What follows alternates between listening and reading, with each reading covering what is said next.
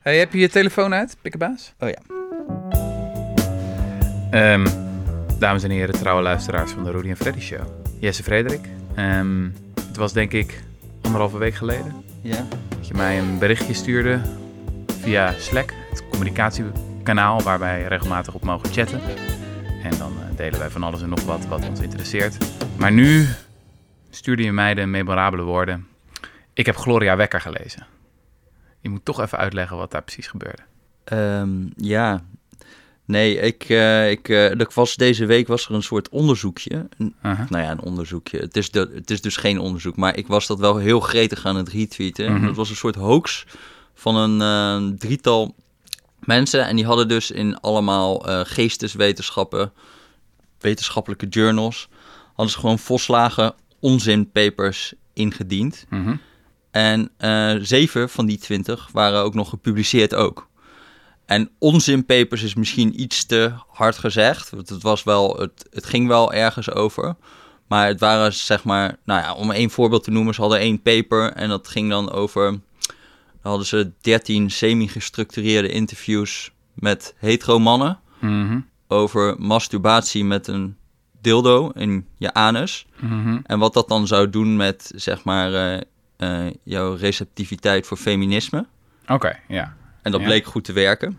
Je wordt daar feministischer van. Je wordt daar feministischer van. Oké, En, eh, maar ja, dit soort, het was allemaal in dit genre, zeg maar. ja. Dus, eh, en, nou ja, ik, ik twitterde dat zo van, nou, moet je nou toch eens kijken wat die voor elkaar krijgen. Aha. Ehm, Dit gaat terug op een veel oudere hoax, ja, toch? ja, ja, ja. De, maar die was, die was eigenlijk nog wel. Eh, het erg was hierbij dat er ook nog peer review was en zo. Hè? Dus er hadden gewoon mensen, eh, gewoon academici naar gekeken en die dachten: dit is Mhm. prima. Mhm. Eh, maar e- eerder was er die Alan Sokal, dat is in 1996. En die had één, één paper. En dat was wel echt volslagen onzin. Die, had, hij, die Alan Sokal die was, een, was een natuurkundige. Mhm. En die had een paper geschreven dat kwantum zwaartekracht een linguistisch construct was. Dat was eigenlijk het idee. Is dat Maar- niet zo? Nou, dat, nee, dat, dat, dat is volgens mij niet zo. Oké, ja. Maar die had dat, ehm, die, dat paper was gewoon incoherent. Dus er waren gewoon zinnen die gewoon nergens op sloegen, nergens heen gingen. ja. Hij had het, zeg maar, zeer welbewust had hij alle, allemaal dingen erin geschreven die logisch niet klopten. Mhm. Maar dat, dat werd ook toen gewoon gepubliceerd. En ehm, die man eigenlijk, dat is nog grappig. Hij heeft daarna heeft hij nog zo'n, heeft hij, eh, Alan Sokal heeft nog een boek geschreven over al die postmoderne Franse filosofen. Mhm. En eigenlijk laten zien van ehm, eh, dat, eh, dat, eh, dat die heel vaak gewoon allemaal wiskundige en wetenschappelijke jargon gebruiken. Waar ze gewoon echt niet begrijpen wat dat betekent of zo. Dus die heeft dan op een gegeven moment van. ja, Jacques Lacan heet hij, geloof ik. Die, die zit dan op een gegeven moment het, de erecte penis te vergelijken met de wortel van min 1 of zo. Oké, En dan, en dan zeggen ze, ja, maar waar heb je het over? waar heb je het over? Klopt niet. Maar in ieder geval dat soort dingen. Ja. En, maar de kritiek altijd op Alan Sokal was van... hij heeft maar in één tijdschrift gedaan. Social Text was dat, geloof Ja. ik. Eh, dat geen peer review toen had. Nee, hij had geen peer review ook, nee. Dus deze lui dachten van... oké, dan doen we het wel in twintig tijdschriften met peer review. Ja, En die hebben dus zeven artikelen... zeven. En er waren er nog een paar in, er zaten nog in peer review. Maar, en dat, dat kwam toen meteen wel kritiek, zeg maar, op. En dat was eigenlijk wel terecht. Kijk, als jouw doel is om aan te tonen dat, dat een wetenschap gewoon onzin publiceert, Mhm, dan, eh, eh, dan moet je ook een controlegroep hebben. mhm. Dan moet je dus, zou het ook niet zo kunnen zijn dat je bij de economie precies hetzelfde zou kunnen doen. Ja, Dus ook volslagen. On en ze hebben gewoon data verzonnen en zo. Dus die 13 semi-gestructureerde interviews met mannen die, die, die met een dildo in de weer waren, die, die waren er natuurlijk helemaal niet. oh. Dus het is gewoon fraude. mhm. Eh, en ja, dan kan je je afvragen van, ja, wat heb je nou eigenlijk aangetoond? Want Ja, je moet het eigenlijk op alle vakgebieden doen... op een heel vergelijkbare manier. En dan kan je iets zeggen over een specifiek vakgebied. Ja, en zij hadden echt een beetje gedaan alsof zij heel erg wetenschap hadden beoefend door die 20, 20 papers Oh, in ja, te doen. ja. Maar het is meer gewoon een beetje grappig, maar niet zo heel erg veel zeggingskracht of zo. Maar voor de leek is het nog steeds wel... Ik weet nog wel, met de Sokal hoax, toen ik daar voor het eerst van hoorde... vond ik het nog steeds wel behoorlijk schokkend. Ik begrijp ook wel dat het maar één paper is. Maar Social Text is een vrij vooraanstaand tijdschrift. Mhm. En dat iemand daar volkomen lulkoek in kan publiceren... Ja, Ja, eh, Ja, ik vind het eerlijk gezegd ook nog steeds wel heel bizar. Maar, in- maar, maar ja, goed, wat, heel veel van die mm, eh, wetenschappers op Twitter ook zeiden van ja, we- eh, wetenschappelijke journals zijn gewoon niet bestand tegen fraude. Of daar zijn ze niet op gemaakt of zo, als Nee. mensen... Maar, Maar is, is voor het mij, dat het, dat het alleen gezegd- voor, dat het voor alle wetenschappelijke journals geldt? Want ik heb toch wel het gevoel dat... Want waar hebben we het hier over? Cultural studies, post-colonial studies, gender studies. Dat is vaak de, Ja, waar de kritiek dus van zich dan op richt.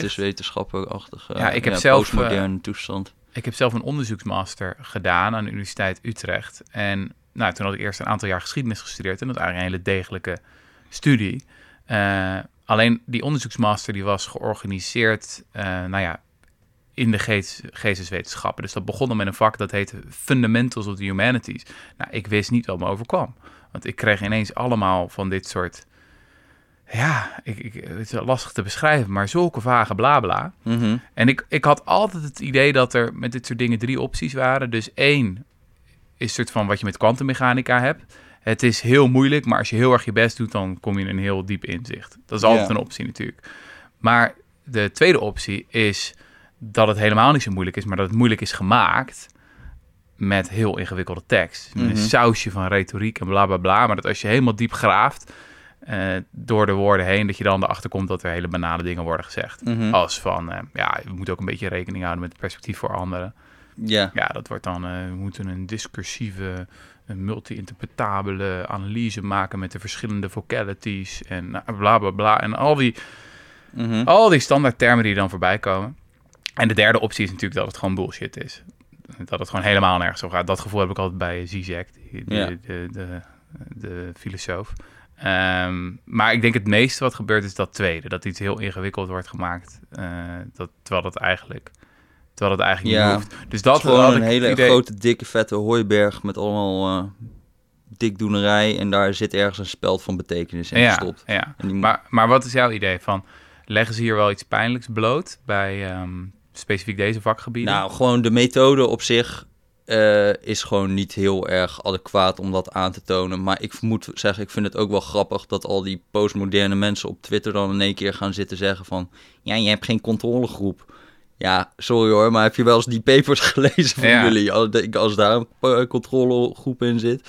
Kijk, het, daar, daar zijn echt methodes geaccepteerd zoals auto-etnografie. Wat eigenlijk gewoon erop neerkomt, ik ga een dagboek bijhouden. En een beetje mijn indrukjes noteren van wat er allemaal gebeurt. En ja, ik, zal, ik, ik, ik erger me daar eerlijk gezegd dood aan. En ik had ook... Ik volg zo'n Twitter-account en dat is ook een beetje flauw... want die neemt natuurlijk de, de slechtste voorbeelden van, Mhm. eh, in dit genre. Maar eh, dat heet Real, Real Peer Review. Mhm. En die laat dan af en toe van die gender studies eh, of postcolonial studies van die papers, die twittert die. En dan, dan komen er dingen langs over the gendered nature of polar bear tourism. En, en nou ja, onbegrijpelijke toestanden. Of gewoon iemand die zijn PhD heeft gekregen door zes hip-hop nummers te schrijven. En daar, nou ja, Ja, dat is het eigenlijk.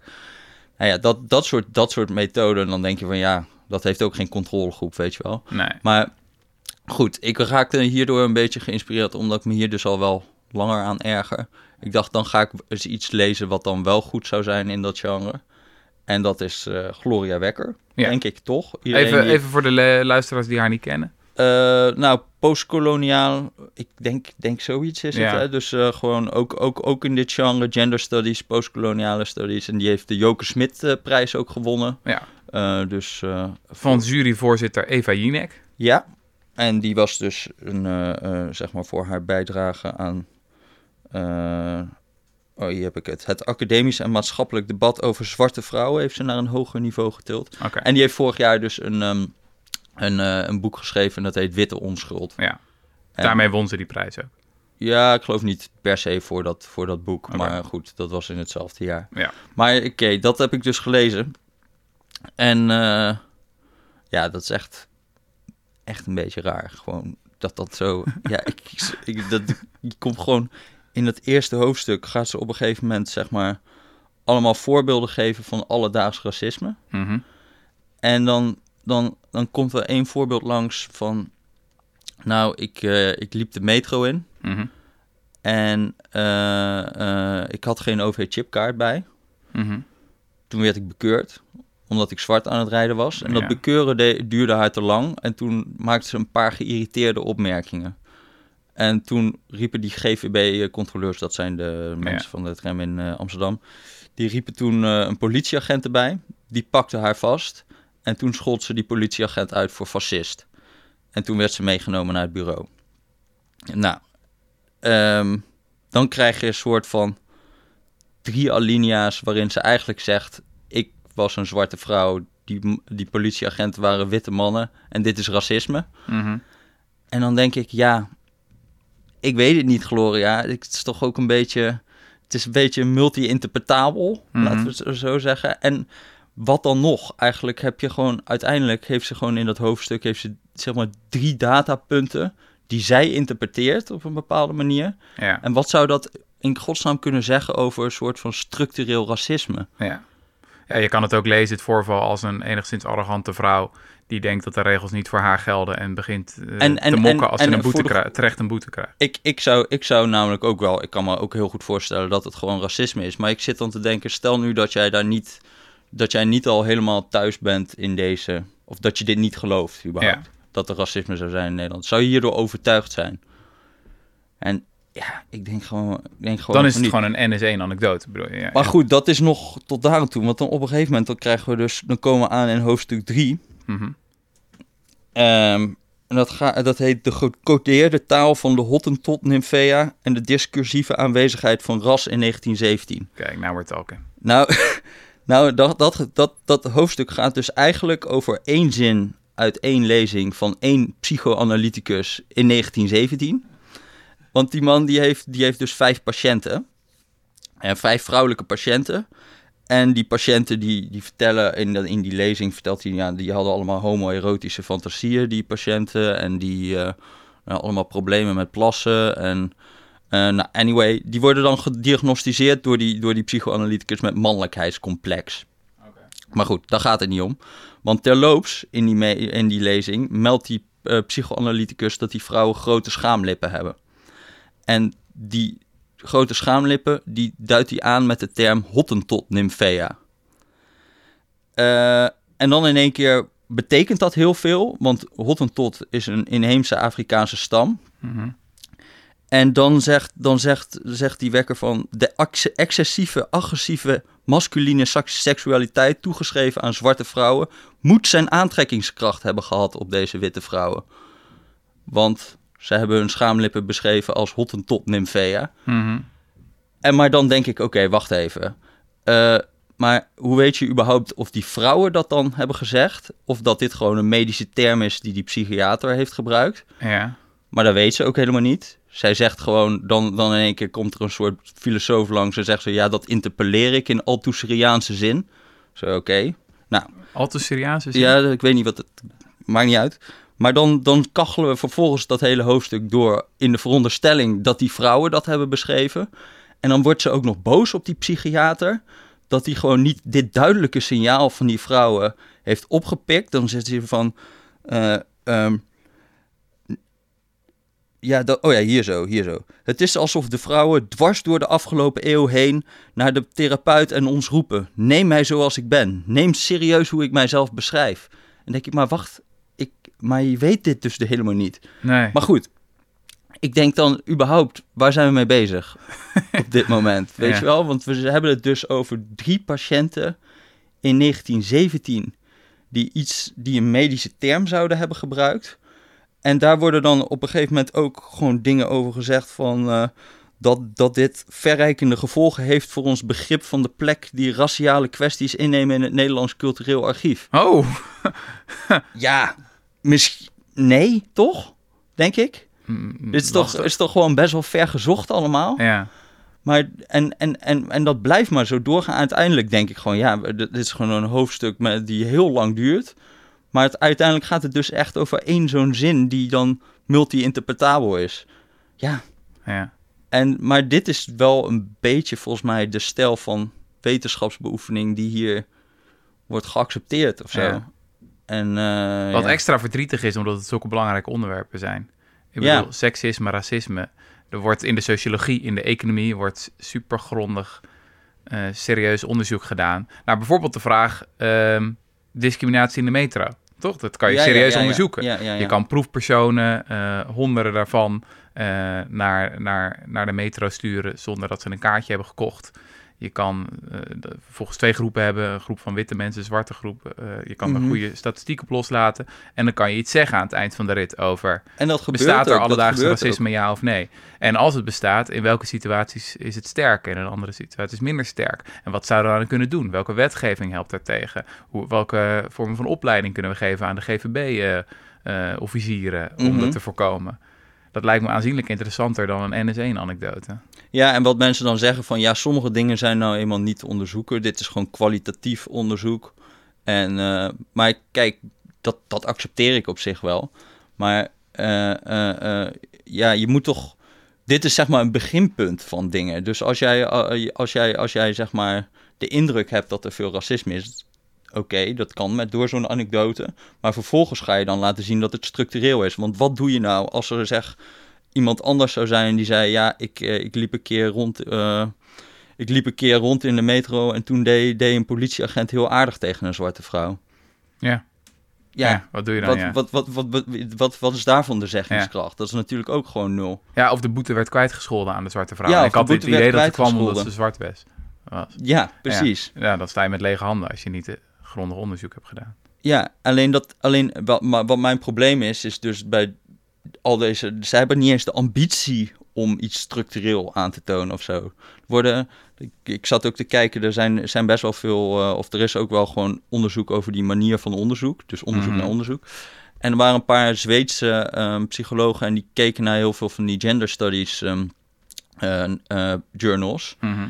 En gingen ze gewoon klassificeren gewoon van ehm, hoe vaak gebruiken deze, eh, eh, doen deze uitspraken en wat is de onderbouwing. Mhm. En ze lieten zien dat bij andere eh, wetenschappen wordt veel vaker de onderbouwing wordt, zeg maar, wordt verwezen naar eerdere empirische resultaten of naar eigen empirische resultaten. Mhm. En hierbij waren het veel vaker claims die werden onderbouwd door verwijzing naar eerdere theorieën. Mhm.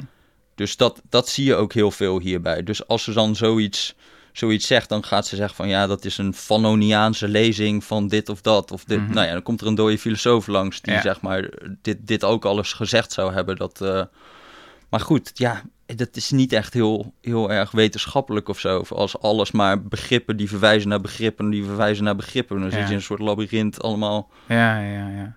Er is op YouTube een heel mooi filmpje van de Amerikaanse, of is het Israëlische psycholoog? Ik weet niet precies. Dan Ariely in ieder geval, heel bekende eh, psycholoog. En die heeft een filmpje opgenomen van een eerstejaarscollege dat hij gaf. eh, voor een vak waar hij dus voor het eerst de ontmoeting had met deze studenten. En wat hij heeft gedaan is naar een website gegaan. Eh, dit is een postmodern, postmodern essay generator website. Eh, dan klik je gewoon op enter en dan krijg je een kant-en-klaar essay. Mhm. Dat al die termen nou ja, die dan vaak gebruikt worden, nou ja, inzet om een volkomen random essay te genereren. En wat hij heeft gedaan tijdens de eerste, pak een beetje vijf minuten van het college, is voor te lezen uit dat volkomen random willekeurige bullshit essay. Mhm. En ondertussen wordt die zaal gefilmd met allemaal slimme studenten van een Amerikaanse topuniversiteit. Mhm. En niemand vertrekt een spier. Iedereen zit te luisteren. Je hebt helemaal niet door als gewone kijker dat hier iets heel raars gebeurt. Nou, en dan na vijf minuten, dan heeft hij eh, groot de, de, de woorden, of dan introduceert hij het begrip pluralistische on onwetendheid, pluralistic ignorance. En toen zegt hij van, oké, wat er net is gebeurd is een illustratie van een heel belangrijk concept in de psychologie. Namelijk ehm, dat als ehm, iemand individueel het gevoel heeft van, oké, ik snap dit niet echt, maar ja, om me heen blijkbaar, jullie snappen het wel, want ik, hoor, ik zie niemand een vraag stellen. Mhm. Ehm, ja, dan, dan zal het wel aan mij liggen. Mhm. Hij, op een gegeven moment zegt O'Reilly specifiek na die vijf minuten van volkomen onzin, zegt hij, heeft iemand hier nog een vraag over? Was dit begrijpelijk? En niemand, niemand zegt iets over, allemaal Mhm. topstudenten. En dat is mijn gevoel bij dit soort vakgebieden, dat het een soort van pluralistische onwetendheid op gigantische schaal is. Mhm. Ehm, dat iedereen denkt van ja, eh, dat zal wel, zal wel kloppen, zal wel goed zijn. Dat is in ieder geval toen ik die beelden zag, deed me heel erg denken aan toen ik zelf student was en dat vak volgde, Fundamentals of Humanities. En naast me allemaal slimme jonge mensen zag die ook zaten te knikken. En ja, ja. Ja, Mhm. nee, zal wel. Zal wel. Ja, klopt wel. En, en dat ze misschien stiekem dachten, waar de fuck gaat het over? Maar ja, je wilde het natuurlijk niet laten merken. Ja. Ik vind het sowieso, dat hele begrip pluralistische onwetendheid... toen ik daar voor het eerst kennis mee maakte, dacht ik echt... Oké, ik begrijp nu de wereld. ja. Je kan dit toepassen op zoveel dingen. Ja, ja, ja en, en, in dit geval, ik snap, ik snap wel wat ongeveer, of wat de boodschap is van dat boek. Dat is gewoon, ehm, eh, eh, ja, er is racisme in Nederland. Mhm. En dat heeft hele diepe historische wortelen. En dat heeft heel veel te maken met ons, ons koloniaal verleden. Mhm. Maar ja, daar, daar gebeurt heel veel omheen, zeg maar, voor die vrij eenvoudige boodschap. Dus Ja, Eh, het lijkt me ook een hele juiste, belangrijke en correcte boodschap. ja, hoewel ik het dus niet aangetoond vind of zo op deze manier. Nee, maar goed, het is wel een interessante hypothese. Die, Ja. nou, ik kan me voorstellen dat... En er zijn ongetwijfeld ook heel veel Ja, ja, ja, al zeker. over verschenen. Maar het is vooral, het verdient betere Be- beleidbezorgers, het idee. Het verdient beter onderzoek. Het, het, onderwerpen als racisme en seksisme zijn ook te belangrijk om over te laten aan dit soort vage prietpraters. Ja, nou, en vooral, ik denk als je mensen mee wil krijgen gewoon, en als, je, als, je dit, als, als dit gewoon echt zo is, dan moet je gewoon, dan moet je, dan is dit gewoon niet overtuigend. Dit is gewoon voor mensen preken voor eigen parochie of zo. En Ja, ik wij- weet wij zeker, hebben- er zijn echt superveel, echt fucking vet, bijvoorbeeld seksisme, daar heb ik echt, nou, onze collega Tamar, die, eh, die heeft echt een echt super ge- geweldige artikelen daarover geschreven, over de, zeg maar, dat onderzoek wat daarnaar is, qua economisch onderzoek. Ja. Maar een van de dingen die, eh, die mij bijvoorbeeld, dat wist ik nooit. ehm, dat, we hebben het heel vaak over die gender wage gap. Dus Mhm. het de loonkloof tussen vrouw en man. Ja. Eh, maar uit heel veel recent economisch onderzoek blijkt eigenlijk dat dat, je, dat dat voor het grootste deel eh, niet bestaat uit zeg maar, zeg maar een soort seksisme van de werkgever. Dat bestaat Mhm. ook wel. Maar heel erg vooral samenhangt met het moederschap. Hm. Dus op het moment dat een vrouw een moeder wordt, stort haar carrière gewoon ineen. Terwijl het, de vader daar helemaal geen last van heeft. Ah, ja, ja. En dat is, dat is voor, voor wat mij betreft een heel fascinerend inzicht. Want dat vertelt ook zeg maar, aan mensen die hier iets aan willen doen. Dat betekent eigenlijk, ja, je moet je niet op die werkgevers richten. Je moet je focussen op dat, hoe werkt dat dan met dat moederschap? Of waar, hoe kan het dat dan een carrière Ja, instorten? dus als ik het goed begrijp, als je een vrouw bent van, laten we zeggen, 30 jaar oud... en je hebt een vergelijkbare opleiding eh, en verder sociaal-economische achtergrond als een man... dan zou je in principe evenveel moeten verdienen. ja, dat is, dat dan is er het. geen verschil, dan is er geen seksisme. Een klein dat je beetje, maar dat is, dat, is, dat is zeg maar van het... Volgens mij in Nederland is het gemiddelde verschil 16% Mhm. in, eh, qua de, de dat loonkloof. is groot. Maar en dit is uurloon, hè? En qua inkomen is het nog veel groter. Dus vrouwen werken ook gemiddeld veel minder uren in Nederland. Dus de, de inkomenskloof is van 42% geloof ik. Ja, ja. Dus, en en, je, en dat, dat is voor een heel groot gedeelte te wijten dus aan het ouderschap. Die on, de, de, de, zeg maar, de verdeling van, van huishoudelijk werk en van eh, eh, opvoedkundige taken is gewoon helemaal scheef. ja. En de grap is daarbij ook dat je dus uit heel veel peilingen komt dat als er jonge gezinnen gaan vragen van hoe willen jullie het, eh, de, de taken verdelen, Mhm. dan zeggen ze allemaal nou gewoon 50-50. Maar dan Mhm. op het moment dat het kind er komt, dan ontstaat er in één keer een soort, en dan is de uitkomst heel anders. Ja. Want dan gaat bijna altijd gaat de vrouw het overnemen. En daar, daar is dan wel weer niet zo heel goed onderzoek naar van hoe komt dat dan eigenlijk. Dat is eigenlijk de volgende stap van. eh, en daar zou je kunnen zeggen, daar werken misschien wel weer van die kwalitatieve methodes om eens gewoon mee te gaan lopen met zo'n gezin van Ja, hoe komen ja, deze zeker. of interviews en, en eh, dus niet alles is kwantitatief te maken natuurlijk. En dat wordt trouwens ook gedaan, hè? Dus volgens mij had het SCP die noemde ook zo'n eh, hoe heet die, die vrouw? Stephanie Wiesman of zo. Die had een soort dissertatie waar ze twintig gezinnen ehm, eh, ging, ging praten van hoe doen jullie dat? Hoe is dat gekomen dat die huishoudelijke taken zo zijn verdeeld? En wat ook een van de dingen die ik wel herkenbaar vond of die heel erg veel terugkwam, was bijvoorbeeld dat je eh, dat het begint met kleine dingen van eh, de vrouw die zag dat een man iets heel onhandig deed en toen pakte zij het maar op. Mhm. En dat gebeurt honderd keer. Totdat er een soort patroon is ontstaan. Bijvoorbeeld eh, onze collega Johannes Visser, die twitterde een keertje van dat hij, eh, of zijn vriendin, die twitterde Mhm. een keertje dat hij eh, alles was had gedaan. Hm. Dus gewoon roze shit bij witte shit en weet ik het Oh allemaal. ja, ja. Toen mocht hij vervolgens nooit meer de was doen. Nee, vertelde nee, hij. nee, nee, nee. Maar dit soort dingen zijn heel, heel Nou, herkenbaar wat, geloof wat ik. ik zelf altijd merk in ja, mijn echtelijke sferen, ehm, is als je zegt 50-50 werk verdelen, dan is de eerste vraag, wat is werk? En wat ik dan merk is dat we Ja, dat enige, dus, enige ja. eh, oneenigheid hebben over welk werk überhaupt gedaan moet worden. Voor het, mijn definitie van stofzuigen is gewoon tut, klaar. Mhm. Eh, haar definitie van stofzuigen is aanzienlijk anders. Dus de vraag is dan, ook als we 50 50-50 het werk verdelen, dan is er ja, van welk werk? Mhm. En zij heeft nogal wat werk waarvan ik denk, ja, is dat werk? Ja, Is ja, dat ook nodig? ja. En, en misschien dat het ook de andere kant soms op geldt. Maar misschien niet bij ons. ja. Maar ik kan me voorstellen dat dat, in, dat, dat dat in relaties een rol speelt. En dat is typisch iets wat je met kwalitatief onderzoek kan onderzoeken. ja. Toch? Van wat def- definiëren mensen überhaupt als huishoudelijk werk? En wanneer Ja. vinden ze hun huis schoon? En eh, ja, wat, wat, wat is, vinden ze allemaal belangrijk binnen een opvoeding? Misschien vindt een man gewoon heel veel dingen minder belangrijk. En zegt hij, ja, ik doe 50% van wat ik belangrijk vind. Mhm. Ja, Ja, ja maar, dat, maar dat is dus nog een hele interessante vraag. En ook, en ook eigenlijk bij die hele vraag over dat moederschap van... speelt daaronder gewoon de vraag... is dit een keuze of is dit een soort culturele norm? mhm. Dus is dit iets wat, waar vrouwen eigenlijk voor kiezen om gewoon minder te gaan werken... omdat ze het gewoon belangrijk vinden om bij hun kind te zijn... en dat ze dat veel meer hebben dan mannen... Mhm. En, ehm, eh, of is dit iets waarvan eh, iets wat gewoon cultureel bepaald is, wat gewoon, Ja. een- wat gewoon een on, ja, onterechte gendernorm is, zeg maar. ja. Nou ja, dat, dat, dat zou je op een of andere manier nog kunnen, verder kunnen onderzoeken. Van, Ja. eh, En, en nog even terug hè, naar, naar, laten we zeggen, de gender postcolonial bla bla bla studies. Ehm, heb je nou het gevoel dat hier ook een beetje overdreven aandacht aan wordt gegeven?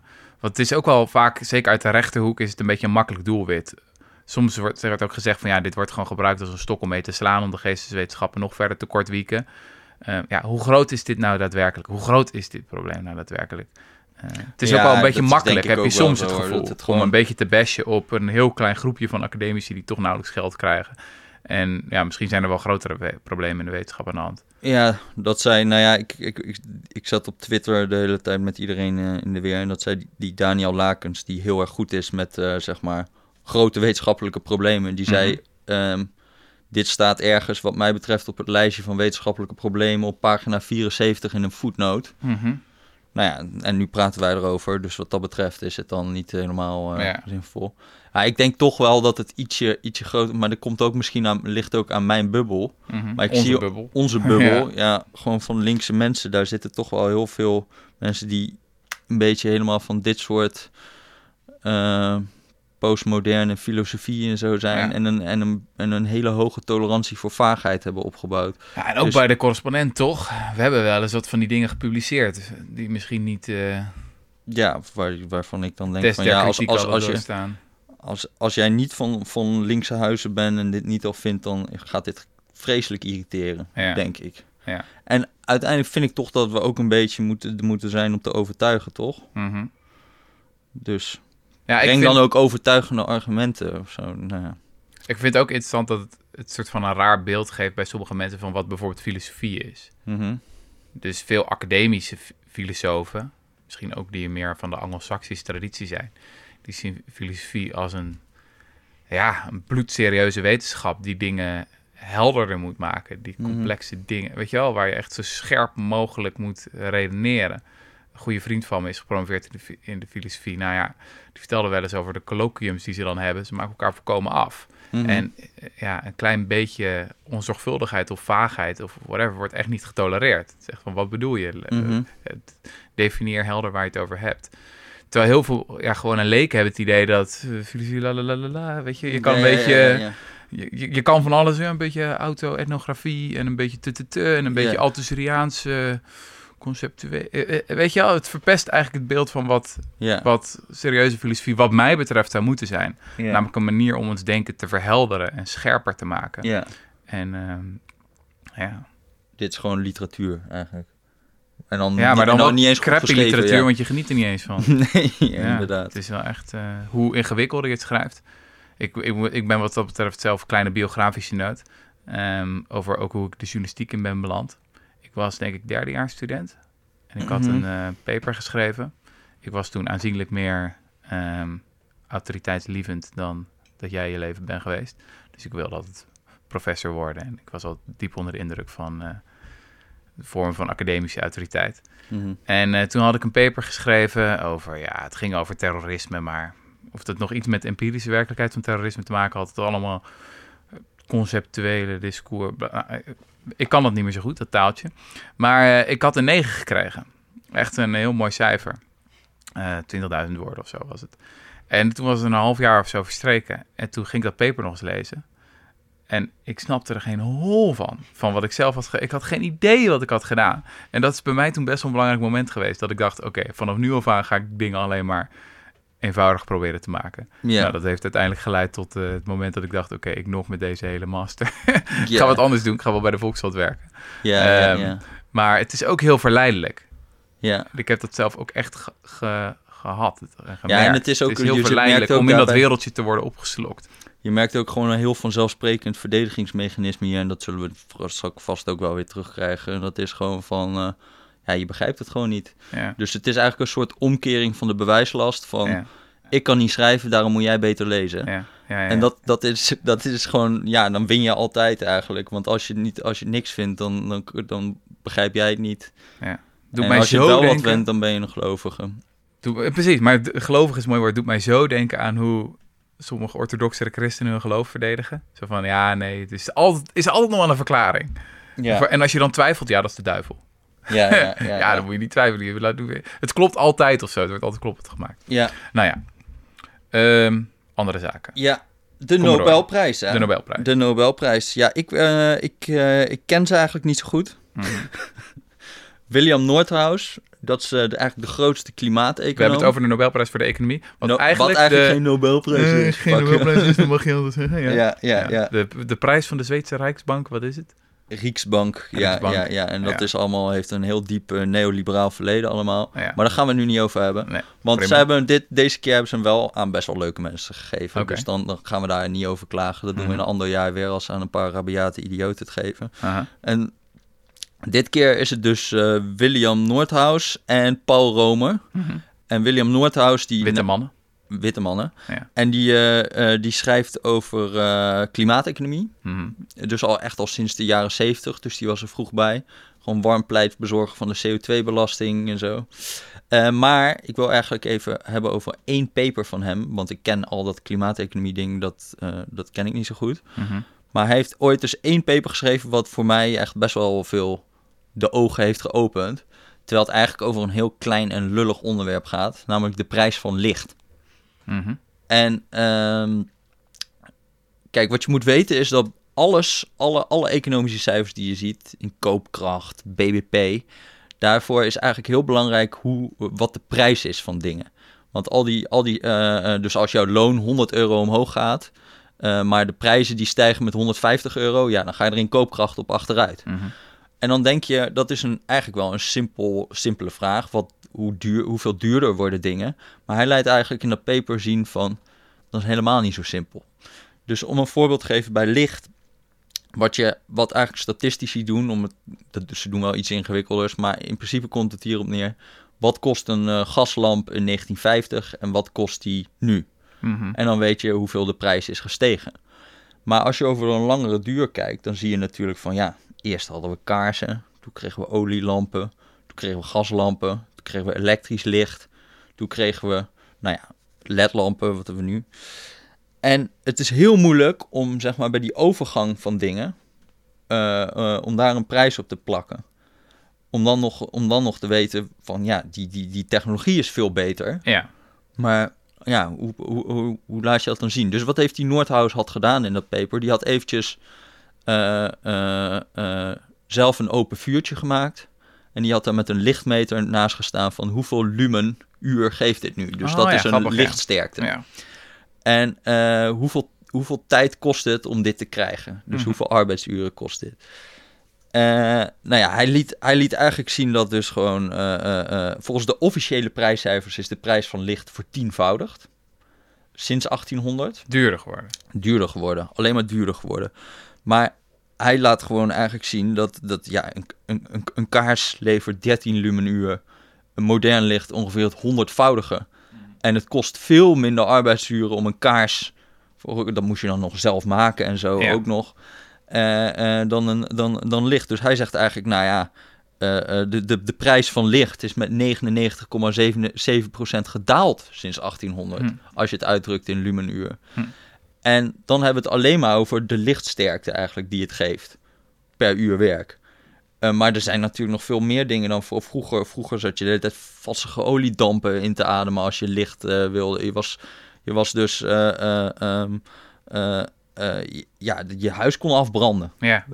Weet je, er zijn allerlei dingen van, van die technologie Ja, die je totaal... Verborgen kosten, externaliteiten die je zou moeten meerekenen in de prijs. Ja. Ehm, en wat eigenlijk het punt was van dat paper is dus van... We zijn gewoon heel slecht in de fundamentele veranderingen... die, die over een langere periode plaatsvinden... in die mee te nemen in onze cijfers. We, hebben, we onderschatten de vooruitgang enorm... Mhm. eh, eh, omdat we dit soort dingen gewoon niet kunnen zien. Dat is wel interessant, want normaliter wordt altijd over het BBP gezegd of over koopkracht. Is dat het de achteruitgang enorm onderschat. Mhm. Want we helpen onze planeet naar de knoppen en het is allemaal vervuild. En dan hebben we misschien wel economische groei en we kunnen steeds meer troep kopen die we niet nodig hebben. Maar als je nou ja, echt corrigeert voor wat er allemaal aan de hand is, dan zijn we eigenlijk veel armer dan we denken. Dat is normaal, de kritiek op het BBP Ja, uit milieuhoek. ja maar, dit is eerder van, we, Ja, dat, dat grote, kwalite- grote kwalitatieve veranderingen zijn. Dus wat, waar, waar ik het ook wel eens over hebben gehad, is gewoon... Vroeger waren alle straten met paardenurine en paardenstront en dode paarden bezaaid. En toen kregen we een auto. Dat was toch wel een stuk, stukje Beter. aangenamer. Ja. Of, of één heel leuk voorbeeld is bijvoorbeeld de, de rijkste man in, in 1836. Dat was eh, de Rothschild. Dat weet je wel Mhm. van al die complottheorieën. Mhm. Eh, en eh, die ging dood omdat ze, ze tanden, tanden waren ontstoken. ja. En tegenwoordig doe je nou, jongen, ga jij even een Antibiotica-kuurtje. antibi- antibiotica-kuurtje. Maar al het geld in de wereld kon hem niet redden van de dood Ja, ja, in ja. 1836. En hoeveel geld zou je ervoor over hebben gehad? Al het geld in de wereld. Al het geld in de wereld. Dus maar, ja, dan, dan, dan komen we een beetje op het gebrek van alle economische statistiek om vooruitgang te meten. Omdat, omdat je dit soort grote kwalitatieve vooruitgang gewoon Ja. niet mee te nemen is. Ik vind het ook interessant dat het nu heel vaak het argument wordt gebruikt in de tijden van automatisering en robotisering, is dat we de vooruitgang eh, weer onderschatten. Want het BBP ja, kan niet precies goed weergeven dat bijvoorbeeld heel veel dingen gratis zijn geworden. Google. Eh, Google, Facebook, eh, Mhm. Spotify is praktisch gratis. Weet je dat we een enorme hoeveelheid aan muziek, data, informatie, gegevens hebben die gewoon gratis is. Mhm. En dat wordt allemaal niet meegeteld in het BBP. Mhm. Eh, wat ik interessante kritiek vond van economische historici hierop is... Ja, maar dat is altijd zo geweest. Ja, Dus, en misschien was het wel sterker in de 19e of begin 20e eeuw zo... met de auto en met riolering... dat we de vooruitgang onderschatten. ja. Dus ja, heel vaak ja. wordt het nu gepresenteerd als... ja, we leven in het digitale tijdperk... en het BBP is niet meer toereikend. Ja, Maar de vraag is, is het ooit toereikend geweest... ja, ja, ja, ja. om vooruitgang te meten? Ja, nee, ja, die, die, zeg maar, die, die stappen die er zijn gedaan van, van zeg, eh, open vuur naar de kaars is al een stuk groter dan van een gloeilamp naar, Ja, naar, naar een ledlicht. Ja, maar voorbeeld. groter, En er zijn er heel veel van dit soort voorbeelden van alles met vervoer, zeg maar, ehm, eh, van een schip naar een vliegtuig is veel groter dan van een vliegtuig naar, wat, wat gaan we nu krijgen, supersonisch vliegtuig, weet ik het. ja, Er is niet eens meer echt, eh, die, die stappen worden gewoon steeds kleiner ja. omdat we ook misschien aan de technologische technische barrière komen van wat mogelijk is. Mhm. Dat weten we niet, maar... ehm, en en wat, wat, wat mensen ook nog heel vaak zeggen is bijvoorbeeld eh, eh, van ehm, eh, de brief ten opzichte van het telegram. Ik bedoel, ik geloof dat er ergens in de begin 19e eeuw hebben ze nog een, eh, hebben ze in Amerika was er nog een soort slag tussen de Britten en de Amerikanen. Wat echt best wel een beetje een absurde slag was, omdat de oorlog al drie weken was afgelopen, maar dat bericht was daar nog niet gekomen. Oh ja, ja, ja. Ja. En, en dat is toch wel wat een wat grotere stap als je dan een telegram zou kunnen leveren. Dat, dat beperkte de tijd Ja. die het kost voor een bericht om aan te komen veel meer dan een e-mailtje. Ja. Nou, van, naar een Ja, telegram. dus het te- telegram was een grotere revolutie dan de e-mail. Ja, veel groter. Ja. Terwijl wij natuurlijk wel, wij, ja, wij, wij kunnen dat niet meer voorstellen, omdat wij gewoon niet in die tijd, Ja. wij hebben die verandering niet meegenomen. Dus Nee. we vind- je vindt altijd je eigen veranderingen groter dan Ja, die uit het verleden. ja en sowieso hebben we een soort van bias. Het wordt altijd gezegd van de wereld verandert sneller dan ooit. Mhm. En oké, sure, de wereld verandert snel. Voilà, eh 15 jaar geleden bestond Facebook nog niet, Google nog niet, eh, of, weet je wel, Mhm. grote techbedrijven nog niet. Maar we hebben wel een slecht geheugen voor andere veranderingen. Ja, Die misschien toen nog wel fundamenteler en invloedrijker waren. ja En nog sneller gingen. zeker. Ja, Eh, lekker. Eh, nou, gefeliciteerd met de prijs namens eh, de podcast. Zeggen Ja, wij tegen. Romer was dit? Nee, dit was William Noordhuis. Noordhuis. Romer heeft hij ook nog lijpe dingen gedaan? Of is dat, niet zo? poeh, ja, ik heb er geen idee wat hij ook weer heeft gedaan. Volgens mij is hij ook helemaal van de charter cities en zo, ken je dat? Oh ja, dat is wel geflipt, toch? Of niet? Dat is wel lo loco, ja. Ja. Dus Nou ja, dat ook gewoon... gefeliciteerd met de ook prijs. ieder gefeliciteerd met de prijs, we geven het allemaal. Anders nog iets? Ehm, de dividendbelasting, Tot slot nog even. tot slot nog Ja. heel eventjes. Ja. Ja, die is dus weg. Nou, En- is hij al echt helemaal weg? Nou, niet helemaal, maar toch? heroverwegen. Dat Kan je is toch bijna niet voorstellen dat hij nog net jargon ja. voor eh, we Ja. trekken deze drol in. Mhm. En ehm, ik, eh, ja, het, het is natuurlijk allemaal een beetje tragisch verlopen. En, maar ik merkte ook heel veel mensen die zeiden van, ja, dit is, dit is, eh, eigenlijk vond ik het wel mooi of zo. Dat ik zie, als je dan ik, veel over Amerika leest en zo, dan zie je ze gewoon volharden in de meest absurde shit. En ik dacht toch, Nederland werkt toch nog wel een klein beetje dat dan uiteindelijk dit plan toch nog sneuvelt. Ja. Hoewel wat er Het duurde wel nodig- heel lang, hoor. duurde wel heel er was lang. wel heel veel druk voor nodig. Ja, klopt. Ik bedoel, we hebben het over een plan, wat is het? 2 miljard uitgeven, waarvan driekwart aan buitenlandse belastingdiensten. Om in theorie een paar bedrijven te lokken die een heel klein beetje werkgelegenheid zouden creëren. En dat op het laatste moment dan een van die grote bedrijven waar het allemaal bij begon, zegt: Sorry, dat gaan we toch even niet doen. En dat eigenlijk die dividendbelasting ook al die tijd niet zo'n rol speelde. Ja, Dat alle experts, zo'n beetje het hele Nederlandse volk, eh, buiten beleggers van over de hele wereld zeggen: van ja, doe het maar niet. mhm. En dat je één mannetje hebt in Den Haag, genaamd Mark eh, R. eh, die toch ja, het is wel van een. ja, de farse is- is... wel een hele grote hoofdletter F. Ja, ja, nee, dat is waar. Dat is waar. Maar ja, ik zat dan ook met die, met die, met die rechter in Amerika of zo. Ja, dat, toen Ja, dacht ik ook hoeveel er voor nodig is voordat deze Ja. man sneuvelt. Maar goed, anyway, dat is een andere koek. Maar vond nog wel leuk met Unilever.